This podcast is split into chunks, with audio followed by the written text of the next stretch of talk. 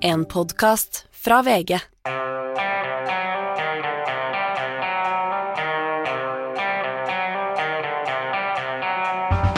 Ikke visste jeg at alle disse dagene som kom og gikk, de var selve uke fem. Det er vinter, det er snø, og det er fredag. Og på, som fredager flest denne vinteren, Hannes, nyhetene bare strømmer på. Rett før vi skulle i studio nå, så kommer altså nyheten om at Økokrim starter etterforskning av tidligere kulturminister Anette Trettebergstuen, som trakk seg som statsråd etter brudd på habilitetsreglene i sommer. Hva er det hun etterforskes for? Ja, Det er eh, at hun da eh, skal ha forsøkt å, å gi eh, nære venner gode verv mot, eh, som de får betalt for. Så det er vel I verste fall kan jo den type saker ses på som korrupsjon, men jeg må innrømme at jeg skvatt litt da den meldinga kom, Anders. Ja, for vi, vi så ikke denne her komme. Ikke i det hele tatt. Nei. Men hvis man utnevner altså hvis så da alle mulige forbehold, men det er vel altså definisjonen på korrupsjon eller nepotisme eller, eller sånne ting, at man eh, gir sine eh, nærmeste fordeler av økonomisk og annen, annen type art? Ja, Habilitetsreglene det kan jo høres litt sånn tørt og teknisk ut. Habilitetsregler, hva er det? Men de er jo der for å beskytte fellesskapet, for å sørge for at de som har makt på vegne av oss alle, bruker den makten til å ta vare på nettopp fellesskapets interesser, ikke at de sørger for sine egne nære og gir dem feite bein og og på en måte at de misbruker sin posisjon til egen og andre nærståendes vinning. Ja, også, Vi har akkurat hørt dette her, men eh, altså det er Økokrimsjef Pål Lønseth som uh, sa dette til uh, NRK. Og Pål Lønseth, var ikke det han som ikke ville ta i saken med Anniken Huitfeldt da hennes habilitet var opp til vurdering tidligere? Ja, For da var, mente han at han også var inhabil. Ja. Så dette har jo vært en endeløs rekke av habilitet, inhabilitet uh... For han har vært i regjeringen med Ja, men, han, men det var litt rart uh, hvor han satte grensene den gangen. Han var jo da statssekretær i Justisdepartementet, mens hun var uh, hun var vel arbeidsminister, hadde ulike statsrådsjobber, men de hadde sittet sammen i et utvalg, tror jeg, som gjør at han følte at det var for nært. Ja. Um, Men han er altså ikke så nær eh, Trettebergstuen, så der kan han starte etterforskning. Nei, for at det, Bare at de er i samme parti er jo ikke nok til å gjøre det inhabilt, men det er klart det så litt rart ut med Økokrim, alle disse rundene de hadde, hvor de da med en gang bestemte seg for å etterforske Ola Borten Moe, ikke, ikke Anniken Huitfeldt, var hva med Erna Solberg, som de heller ikke endte med å etterforske pga. Sindre Finne sine aksjehandler. ikke sant? Det har vært, eh, det har vært fremstått litt vilkårlig, egentlig, hvilke kriterier Økokrim har lagt til grunn. Har Trettebergstuen sagt noe selv? Ja, Hun har vært ute nå og sagt at hun legger selvfølgelig alle kort på bordet. Hun eh, mener at hun ikke har gjort noe galt, og for henne er det selvfølgelig innmari tøft. Hun har jo allerede vært ute og protestert litt, mener at eh, den historien slik den har kommet ut eh, ikke er helt riktig, at hun handlet i en god tro da hun gjorde disse utnevnelsene? Ja, og jeg har sett det, men jeg syns det er litt rart, Anders, fordi at hun i forklaringen sin da hun gikk av, så sa hun at hun trodde at hun kunne foreslå sin nære venn via statssekretæren sin, at hun kunne ikke selv delta på handling, men kunne spille inn navn via sin statssekretær. Og da, hvis du er statsråd, så må du kunne habilitetsreglene såpass godt at du skjønner at da er du også inhabil. Det er klart, Hvis forslag kommer fra politisk ledelse i Kulturdepartementet, så er det ingen som vil sette seg over det forslaget. Sånn at det er det var helt i strid med habilitetsreglene, og hun visste at hun selv var inhabil, og så gjorde hun det på den måten allikevel. sånn at ja, Det er i beste fall veldig veldig sløvt. Ja. Ok, Vi vet ikke noe særlig mer om denne saken enn det vi har gjort her. Kommer helt sikkert tilbake til den eh, i neste uke. Den nest største saken er vel fortsatt eh, alle disse monstermasterne som eh, hjemsøker regjeringen og, og annet fintfolk. Eh, I dag på morgenmøtet så kommer altså nyheten om at Nord universitet, som liksom holder Ingvild Kjerkols skjebne i sine hender Kongen i nord. Kongen i nord, ja. Kommer ikke til å si noe av hva de finner ut om denne masteroppgaven. Nei, og Vi skvatt jo veldig først da den nyheten kom, og så snakka vi litt nærmere om det og sa at ja, men det er jo egentlig naturlig, for det er jo en sak mellom studentene og universitetet, en sånn eh, behandling av hvorvidt det har vært juks eller ikke. Ja, De kan ikke noe for at Støre liksom har eh, mer eller mindre lagt hennes skjebne i deres hender? Nei, de skylder ikke verken Støre eller offentligheten noe som helst, men så må jo selvfølgelig Kjerkol eh, fortelle hva som blir resultatet. Det er hun som eier denne avgjørelsen, og hun har også sagt i dag, tidligere i dag at det er naturlig at hun forteller hva som ble utfallet.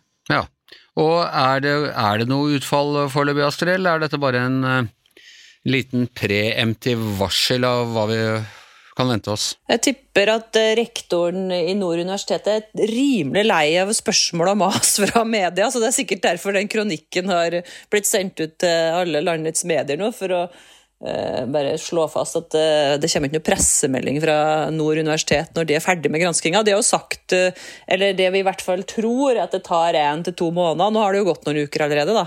Eh, vanlig saksbehandling kan jo være opptil åtte måneder, la oss et eller annet skrive, så eh, er ikke godt å si. Men eh, Ingvild Kjerkol er jo i vanlig jobb hos Helse Nord i dag, tror jeg. Så ja, det har roa seg litt, da. Så får vi vente og se hva som, eh, om helseministeren da kommer til å offentliggjøre det da, når det kommer, kanskje til mars. da. Hans Petter? Ja, altså det ble sendt ut til alle i hele Jeg tror alle aviser i Norge fikk det her innlegget her, faktisk. Så det er jo åpenbart at det er et preemptive strike. De, de er som Astrid sier, sikkert møkklei av journalister som ligger, journalister som driver og ringer dem stadig, sikkert flere ganger om dagen for å høre om det er noe. Og så er det jo ikke så veldig oppsiktsvekkende at de, det de sier at uh, det her er jo ikke deres ansvar i hele tatt. Det er jo selvfølgelig Jonas Gahr Støre som avgjør den saken her når, når, det drar seg til. Så greit, vi aksepterer det, men uh, har uh hvordan ligger ballen da hos Støre, er det jeg lurer på. For han har jo eh, Nå ser jeg at, eh, ser jeg at eh, de fra, fra Nord universitet sier at uh, dette er jo virkelig ikke deres avgjørelse, eller noe sånt, men han har jo lagt ballen der på mange måter, Hanne. Ja, Han har jo sagt at han har full tillit til eh, Ingvild Kjerkol, og så vet vi at det er, det er 0 eller 100% tillit fra en statsminister til sine statsråder. Og så vil jeg jo tro, hvis det viser at det har vært juks med den oppgaven, så vil jeg tro at han vil vurdere det annerledes. Men han kan jo ikke forskuttere det eller si noe hypotetisk om det heller. Nei, så egentlig vi er ikke kommet noe lenger, vi har bare fått vite at det, Nord universitet kommer ikke til å offentliggjøre det, men hun kommer til å offentliggjøre det, så egentlig kanskje en ikke så veldig stor nyhet likevel. Nei, men vi fikk snakka litt om det i dag, da. Ja, det gjorde, det gjorde vi. Og øh, det bringer oss til eh, del to av øh, Master and Commander-thrilleren vår, og det er at i går så uh, la Trond Giske selv fram uh, sin master, som han skrev uh, samme tida som Kjerkol omtrent. Det har jo vært spekulasjoner, også her i denne podkasten, på hvorfor han ikke ville offentliggjøre den. Hans Petter, alt tyder jo på at han har skrevet en aldeles uklanderlig masteroppgave uten noe juks eller fake eller noe som helst. Har Trond Giske visst det hele tida, og så med vilje holdt den litt tilbake for å se på den typen mediereaksjon som han eh, nå har fått? Blir jo spekulasjon, men eh, det er jo et eller annet med Trond Giske. Han er jo en eh, smarting på det å beherske på en måte narrativet, da, og sånn, så det er jo lett å, å liksom mistenke det at det har vært noe sånt. Men det jeg har hørt, at det er grunnen til at den oppgaven ble unndratt offentlighet, det bestemmer jo studentene sjøl også, men det har litt med at hans bakgrunn også. Han, var jo, han skriver jo om ting som Han har jo vært eh, statsråd i flere departement, og kommer inn på det, så det var kanskje naturlig at det blei sånn også, at den da ble klausulert, så det heter det, og ikke offentliggjort. Og så har de offentliggjort gjort det sjøl nå, med en viss sånn ikke, hva heter det? Skadefri, det heter det? Altså at han syns det er nok det er litt Han eh, har jo liksom fått hele mediekoblet til å stå og bjeffe ved den ene, uh, ene reveutgangen, mens han bare så kommer han elegant ut av den andre og legger masteren eh, på bordet. Roar, det er, det er en viss fler over dette? Jeg syns det er politisk mesterskap. Og dette er jo mannen som fikk oppført Nasjonalmuseet for kunst og som sitter oppe i Trondheim og, og, og driver sin politiske kamp der. og Jeg, jeg syns jo dette er helt ålreit. Vi, vi, sitter og, og, jubler over makta og alt som skjer der, og syns dette er fantastisk spennende. Men det er jo like spennende som skjer nå, egentlig. Og, og, kampen om Arbeiderpartiets sjel, som man kaller det, og arbeiderklassen og dette, syns jeg er veldig fascinerende.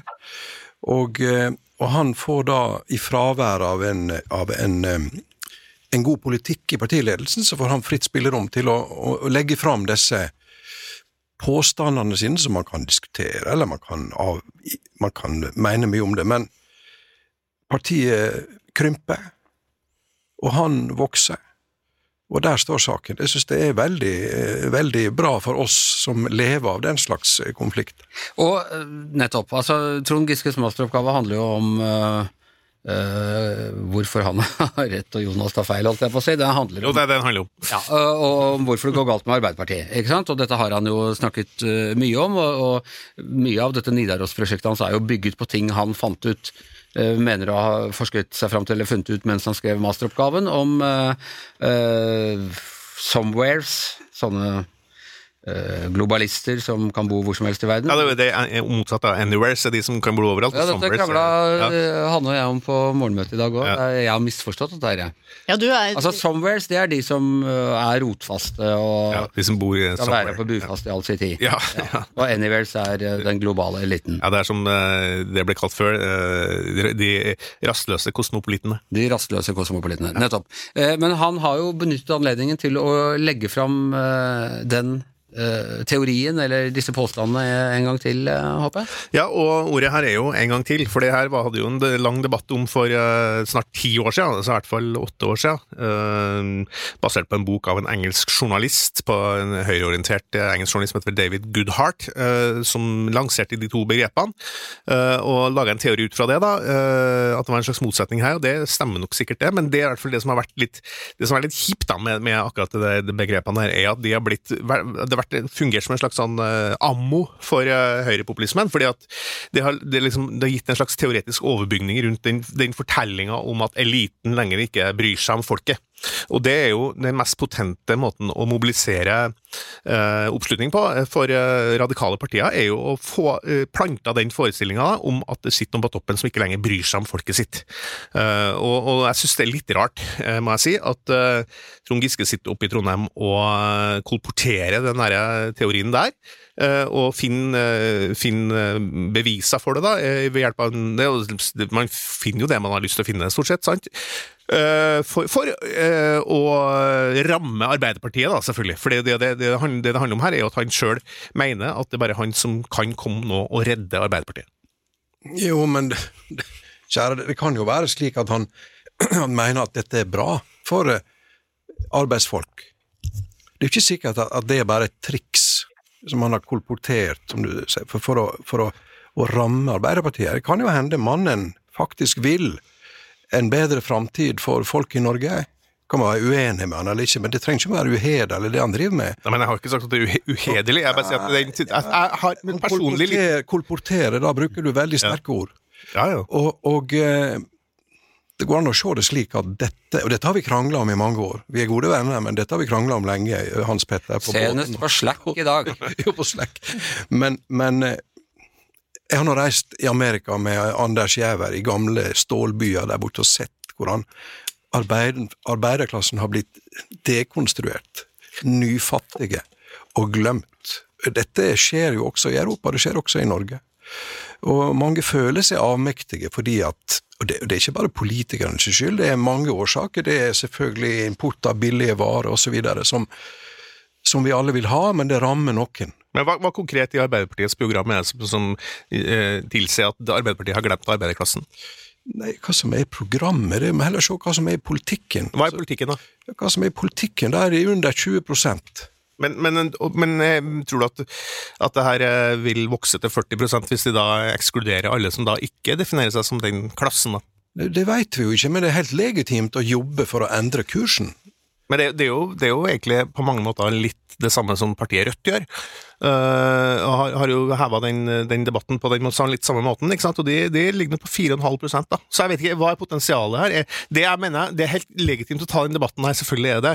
Uh, men, men det er et eller annet med at Trond Giske har, har liksom satt seg i en sånn posisjon til at han har liksom eh, laget seg en sånn fortelling ut at det er bare han som har forstått det. Ingen andre i Arbeiderpartiet har skjønt det her. Og det Arbeiderpartiet er liksom overtatt av noen sånne fjerne elitister fra Oslo som på en måte ikke skjønner hvordan folk er. Altså, poenget er jo skal ikke skryte for mye av politikerne, for så vidt, men, men de reiser jo rundt i et bankende kjør og møter folk, og de, de vet jo hva som foregår. De fleste av dem er jo fra hele Norge, hele, hele landet, alle som sitter i toppen der, og i regjeringa også. Så å lage en, en fortelling om at eliten har forlatt folket sitt, det, det er en utrolig skummel fortelling, for den, den legger sånn til rette for at du kan få til slutt, i hvert fall hvis det går til USA, som du snakker om, så vet vi hvordan det har blitt der. De er overtatt av en, av en uh, autoritær demagog. Jo, men han fikk jo dette i hendene. Altså, det, jo, det viktigste for et sentrumsparti må jo være å forebygge denne retningen. at Giske påpeker det, det er jo bare en naturlig del. Altså, he happened to be around. Og, og når de, når de eh, svekker seg sånn at du går fra 40 til under 20 så er det noe fundamentalt galt med partiets innretning og kontrakt med folket sitt, som er vel verdt å analysere. Om han har rett, det vet ikke jeg, men at, han, at han påpeker det, det er jo i seg sjøl ikke uhederlig. Nei, nei, men han satt jo i ledelsen han da, da politikken ble utforma. Han har vært en av de mest sentrale politikerne i Arbeiderpartiet i mange, mange, mange år. Og så er det jo sånn at Når det diskuterer tingene her, så blir det ofte at man går inn i en sånn lang Så ser man at nei, i Hellas så er Arbeiderpartiet der borte, og Israel og Frankrike og sånn. Ja, greit nok, men, men, eh, se til Sverige, da. Der ligger sosialdemokratiet på jevnt 6-37 på målingene. Leda av en, en, økonom som også har, eh, har, delvis utdanning fra Harvard, som det het i, i makta om Gro Harlem Brundtland. Hun er altså fra eh, topputdanna på på økonom, eh, og i Sverige også et land som har atskillig flere mastergrader per, i befolkninga si enn i Norge. Så den fortellinga om at Norge blir en slags sånn elitært eh, samfunn som, som, trykker ned arbeiderklassen, altså det, det, den holder ikke mål, rett og slett. Ja, men nå, nå, maler du en karikatur av det han, han kom med, så langt som jeg har lest det. At, at eh, Magdalena Andersson eh, har høy oppslutning, like høy oppslutning som Gro hadde. Eh, akademikere spiller jo ingen rolle. Magdalena Andersen er jo veldig dyktig politiker. Men, men er svenske sosialdemokratiet mer arbeiderklasseorientert enn det norske? Nei, men det er et større, det er et djupere klassesamfunn enn det norske. Med litt, med litt annen historikk. Det er jo også Danmark. Og begge de to landene jo, eh, har jo sterke sosialdemokrati. Mette Fredriksen også, men de har ført en litt annen politikk. Ja, og rent, Hvordan da, rent konkret? Ja, Mette Fredriksen har jo vært hardere i klypa, eksempel. I forhold til? I forhold til innvandring, for å ta et eksempel. Og virker jo veldig, hun virker jo som en pre, sånn eh, protestantisk eh, sogneprest. Streng med håret bakover, og du, du kjenner jo, den så under pandemien og minte jo litt om Erna på en måte, i å ta kommandoen. Og Magdalena Andersson kom jo da etter den litt svake Stefan Löfven, kanskje. Flink dame. Bra tillit. Her føler jeg at vi har fått et godt innblikk i hvordan vi diskuterer på, på morgenmøtene, Hanne. Denne diskusjonen har vi hatt før, og den er lenge, og den er pågående. Den er pågående. Og jeg må jo si at, eh, kan jeg få lov til å være dommer, Anders? Ja. Og si at jeg syns begge har litt rett. Det er klart, Arbeiderpartiet har nå 7% oppslutning blant unge menn under 25 år. Mens Frp og Høyre til sammen har mer enn flertallet blant de unge gutta. Eh, og det er ikke tvil om at store deler av eh, arbeiderklassen føler, føler, seg forlatt eller føler seg avmektig, og så kan du diskutere hvorfor og hvordan ble det sånn. Jeg har også reist i USA, vært i West Virginia, møtt gamle kullarbeidere som følte seg helt forlatt av alle. Og det er ikke tvil om når du ser på Trump og fremveksten av han, at det ikke bare handler om hans retorikk, men også om demokratene som er blitt opplevd som, som elitistiske og fjerne fra folk flest. Sånn at det er sammensatt. Uh, og det er, handler både om hvordan Arbeiderpartiet har håndtert uh, sin politikk, og hvordan de på en måte uh, klarer å lande med folk, og så handler det om store strukturendringer. Og når Hans Petter sier liksom 35% på svenskene sosialdemokrater, de er i opposisjon. Så dette handler også om at de som sitter med makt i urolige tider, ofte får store problemer. Ja. Ok, La oss høre med noen av de unge kvinnene. Altså, Astrid Mæland, hun, hun var en somewhere flytta til storbyen og ble en Anywhere, og har gått tilbake til Somewhere og til og med da innlemmet i eh, Stor-Trøndelag. Eh, hva tenker du om dette, Astrid? Jo, jeg var jo på lansering av Giske sin mastergrad, som ble til en bok, da. Og han kaller dem altså nærvelgere. Eh, de som han mener Arbeiderpartiet skal gå mer etter. Og det er da folk som har, eh, sånn som jeg forsto det, mer kulturkonservative verdier, bor usentralt, er opptatt av fotballaget, hytta, har lavere utdannelse, vil ha mer nasjonal styring, som liker å reise til Granca istedenfor Toskana, som er imot EU og eliten. Eh, akkurat litt sånn som han er for tida, fikk jeg inntrykk av når han la fram den undersøkelsen sin der han hadde definert hva som var en nærvelger, og når jeg glemt hva han kalte de andre velgerne. Men det passa liksom litt for godt inn i hans um, forutinntatthet, følte jeg. Og så, Samtidig som jeg var oppe i Trondheim og og, og, her på Giske så drev jeg og leste den boka til Oliver Lovrenske, han som er en sånn eh, eh, som, ja, som er forfatter, som eh, representerer kanskje unge menn, da, og som faller utenfor, så tenkte jeg det her, ingenting av det her som Trond Giske står og sier her nå, vil appellere til noen av de gutta som Oliver Lovrenski skriver om, som Arbeiderpartiet absolutt skulle hatt, som altså da eh, bor i byen og som sliter med, eh, med Nav og ledighet og rus og alle mulige problemer. Da er det Hagen, og så Sjøli. Men altså, jeg, tenker av og til på at her vi sitter, som jeg har vært så privilegert hele mitt liv, å sitte i, i sentrale medier, så kan vi nå hvilken som helst statsråd når vi vil. Hvilken som helst person i Norge, og i utlandet også, ofte kan vi nå i kraft av det vi får lov å holde på med. Og, men det er ikke alle som har det sånn.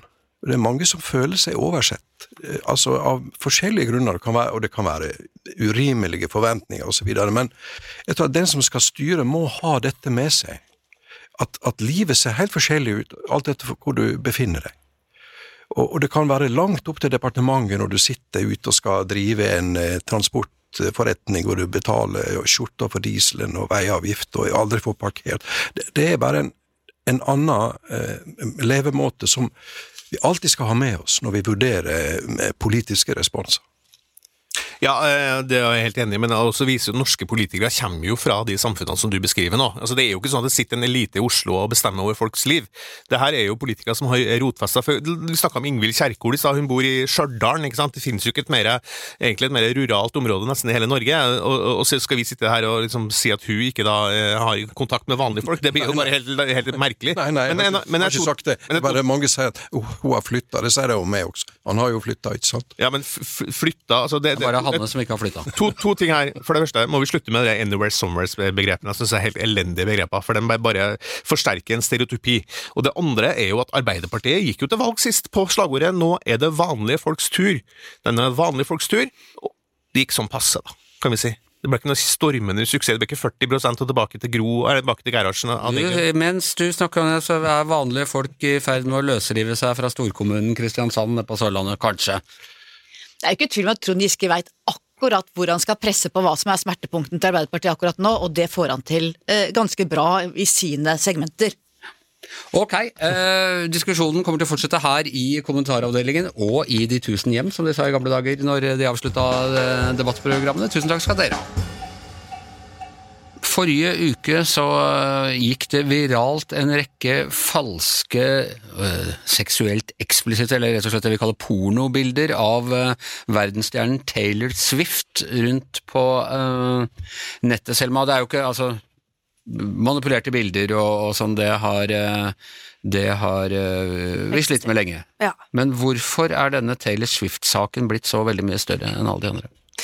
Altså, for det første så er det jo Taylor Swift. Hun er jo uh, verdens største uh, popstjerne, så det som skjer med henne, jo, vaker jo oppsikt uansett. Men det er jo en slags, uh, slags frykt på vegne av alle kvinner, da. Denne muligheten til å lage falske nakenbilder eller pornografiske bilder eller videoer med kunstig intelligens som stadig blir bedre og mer realistiske, når vi vet at f.eks. hevnporno er et problem da, for flere kvinner. Altså det at man at det blir lagt ut eh, sånn innhold av en eh, av ekskjærester eller andre. Når man er stor stjerne, så har jo det skjedd før, at man manipulerer eh, innhold, men nå blir det så realistisk at det skremmer jo både politikere og oss mennesker generelt. Da. Det er jo liksom ekkelt at det er mulig for noen hjemme i en eller annen kjellerleilighet å lage en pornofilm av meg, liksom, uten at jeg aner noen ting. Og uh, dette har jo alltid vært en utfordring for oss i mediene. Markus Husby, ny redaksjonssjef for kunstig intelligens i VG.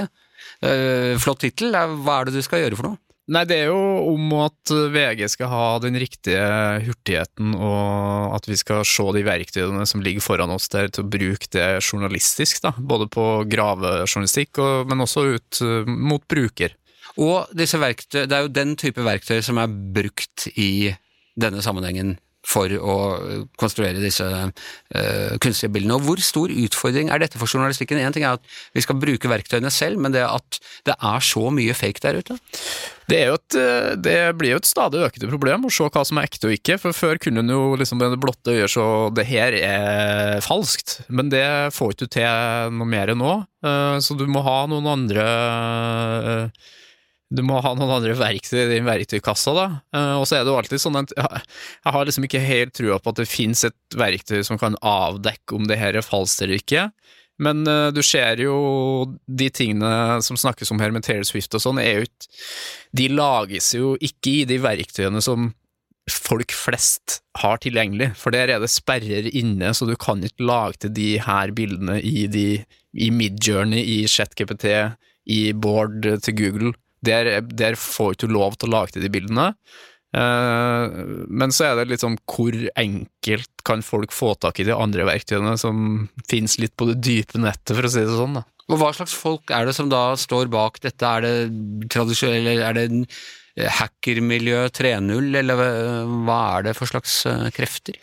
Nei, det er vel den samme gjengen som eh, Skal jeg si Den samme gjengen som kanskje de som laga falske pornobilder før, da. Som nå har nye verktøy som de kan bruke. Men må, eh, som du sier, du kan ikke bare gjøre det med Midjourney eller eh, de vanlige, vanlige tjenester. så du må, du må ha en viss eh, kunnskap og Ja, og så finnes det jo nettsider der du kan eh, Det var jo noen eksempler, det har jo skjedd i Norge her òg, men hun influenser Linnea Løtvedt.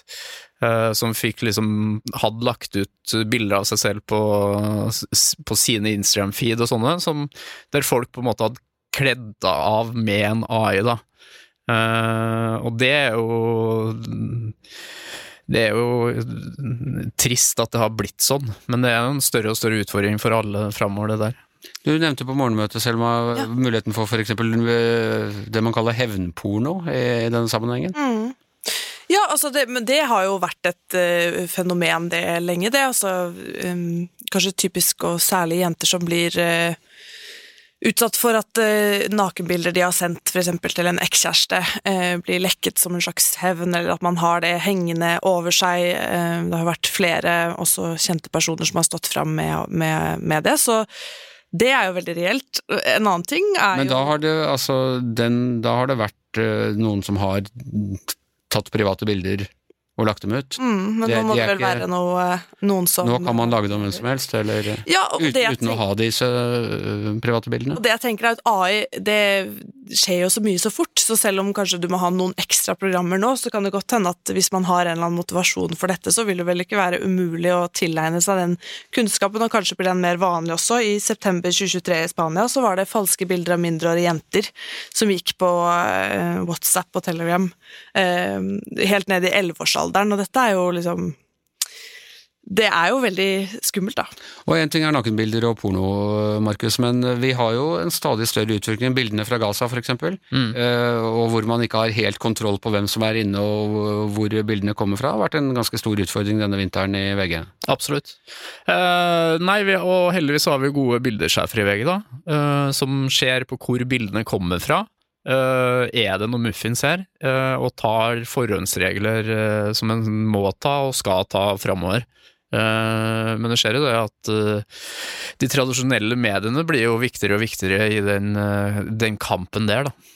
Men jeg ser jo også, altså i feeden min så deles det en del bilder som jeg tenker åpenbart er fake AI. Det var noe veldig, veldig søte to små gutter som står og holder hverandre blodig i hånden i Gaza, og de er sånn Disney-søte. Sånn som jeg skriver med dette er åpenbart fake. Men det virka ikke som folk uh, syntes det var noe problem. De syntes det var et bra bilde likevel. Det var mer liksom hva det utstrålte enn hva det faktisk dokumenterte. Ja.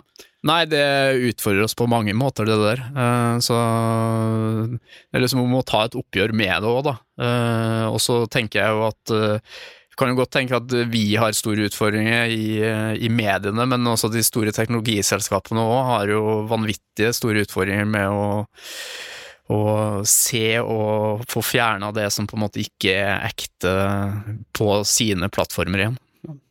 Eh, ja, uh, vi skal høre litt på hvor langt det har kommet til våre kolleger i uh, podkasten Tore og Haralds podkast. De uh, har fått tak i en ny jeg vet ikke hva det er for noe, stemmeboks eller noe sånne ting, eh, og som de eh, brukte i et innslag de hadde forrige uke om eh, Jonas Gahr Støre. Og nå har vi mata inn stemmen til Jonas Gahr Støre, nyttårstalen, og så har AI klart å lage en kopi av den stemmen. Og når jeg, nå skal jeg snakke, og så skal du være uh, Støre. Er du klar? Jeg er klar. Ja, det var likt. Takk skal du ha, Harald. To av tre eldre vil stå uten sykehjemsplass i 2070. Karbonfangst og -lagring er regjeringens viktigste satsingsområder.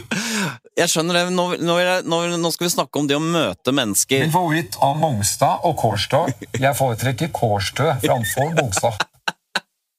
Men nå skal vi snakke om Vi skal coache deg til å bli bedre og møte andre mennesker. Når du møter da uh, Charlotte Lygre Jeg vil at du nå skal se for deg Du er på dette sykehjemmet, du møter denne ansatte her, og så vil jeg at du skal snakke om det som du virkelig bryr deg om, det som er sånn personlig for deg, det som gjør at det blir et fint møte mellom to mennesker. Få høre, Hva skal du spørre Charlotte om da? Da har jeg lyst til å spørre henne om hva hun føler rundt utfordringene med det europeiske energisamarbeidet, konflikten i Midtøsten, da særlig med fokus på krigen mellom Israel og Hamas. Men Jonas, Jonas Ja. Mm. du lurer ikke på hva hun syns om det. Hva er det, hva er det du egentlig er nysgjerrig på når du møter henne? For å si det på en annen måte, da. Hva er det du virkelig er nysgjerrig på når du møter andre mennesker, sånn som Slåtte Lygre og Olaug og Hallgeir? Jeg, jeg er jo ikke noe interessert i andre mennesker. Jeg, jeg vil snakke om internasjonal handel og sunn og bærekraftig landbruksstrategi. Ok, jeg syns dette innslaget er veldig bra på flere måter. Men Markus, det er ganske likt Jonas Gahr Støre, og, og denne teknologien har kommet siste året. Gud veit hvor vi er om et år da? Ja, eller bare Jeg sitter jo med innblikk i litt hva de selskapene kommer med de neste to månedene. Eh, og, og det blir, hvis du hører de amerikanske tekst-til-lydselskapene, eh, så hører du jo ikke forskjell. Så det går fort, eh, og så kan jo det her brukes til både godt og vondt, akkurat som mye annet innenfor det teknologiske feltet akkurat nå. Men eh, Astrid, hva tenker du? Altså, det er alltid når, når det kommer en ny Mac, så er det alltid noen nye sånne programmer i som er litt sånn gimmick-aktige, at du kan ta eh, forskjellige typer bilder og, og sånne ting, og så leker man seg litt med det, og det er litt sånn virtual reality som jeg har hørt om i 30 år nå. Det blir liksom aldri noe ordentlig av det. Tror du dette, er dette en reell eh, forandring? Du har jo vært inne på hele den der eh, boblen i eh, kunstig eh, intelligensindustrien. Ja, jeg tror det, Anders. I USA så er vi jo ganske spent på hvordan valget blir påvirka av AI i år. og eh, det, har jo f.eks. skjedd at fake Joe Bidens har begynt å ringe rundt til velgere med, med Joe Biden AI-stemme som høres akkurat ut som Joe Biden, som driver liksom personlig og ringer rundt til velgere. Og Det kan jo misbrukes av fienden hans. og eh, Vi har jo sett det over i Europa. I fjor så var vel et valg på kontinentet var det Slovakia da, som ble veldig prega av AI-bildet av den ene kandidaten som var falsk, der har vist at kandidaten drev med korrupsjon. Det her går jo alle retninger. Man kan jo òg tenke seg at eh, politikere, politikere som virkelig gjør noe gærent, de kan si sånn nei, det er AI.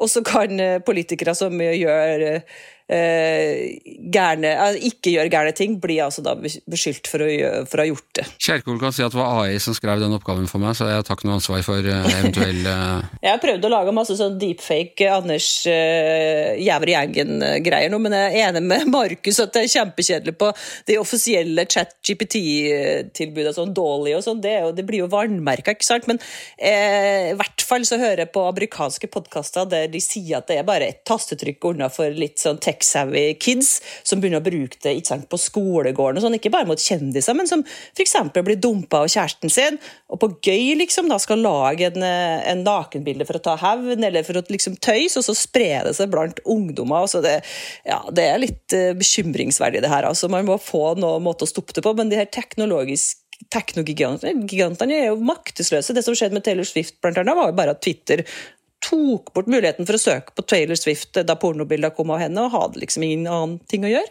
Eh, En annen utfordring for journalistikken Markus, det er jo selvfølgelig at veldig mye av det vi gjør i dag, smånotiser små notiser altså når, når hele denne Kjerkol-push-varselet kommer, eh, som det kom i morges, og vi alle går litt sånn opp i sånn, så vil AI kunne raskere få ut en sak om dette enn det vi eh, menneskelig sett gjør. Ja, men det har jeg vel sagt før. Og det, altså, den utviklinga AI går på journalistikk, tenker jeg det er sikkert mye som kan en være kritisk til det, men det er også en, en, kanskje en ny tid for journalistikk der eh, vi kan gå litt tilbake til røttene og bruke mer tid på egenutvikla god journalistikk som står ut, og mindre tid på den sitat eh, sitatsakene fra inn- og utland. Eh, så at en AI tar kan bli bedre og tilbake til røttene, rett og slett. Ja, ja nei, men jeg har trua på det, at vi kan eh, bruke mer tid på det som står ut, da, istedenfor å bruke noe tid på å, få ut de raske meldingene som kommer. Det syns jeg var så hyggelig og fremtidsoptimistisk å høre at jeg tror vi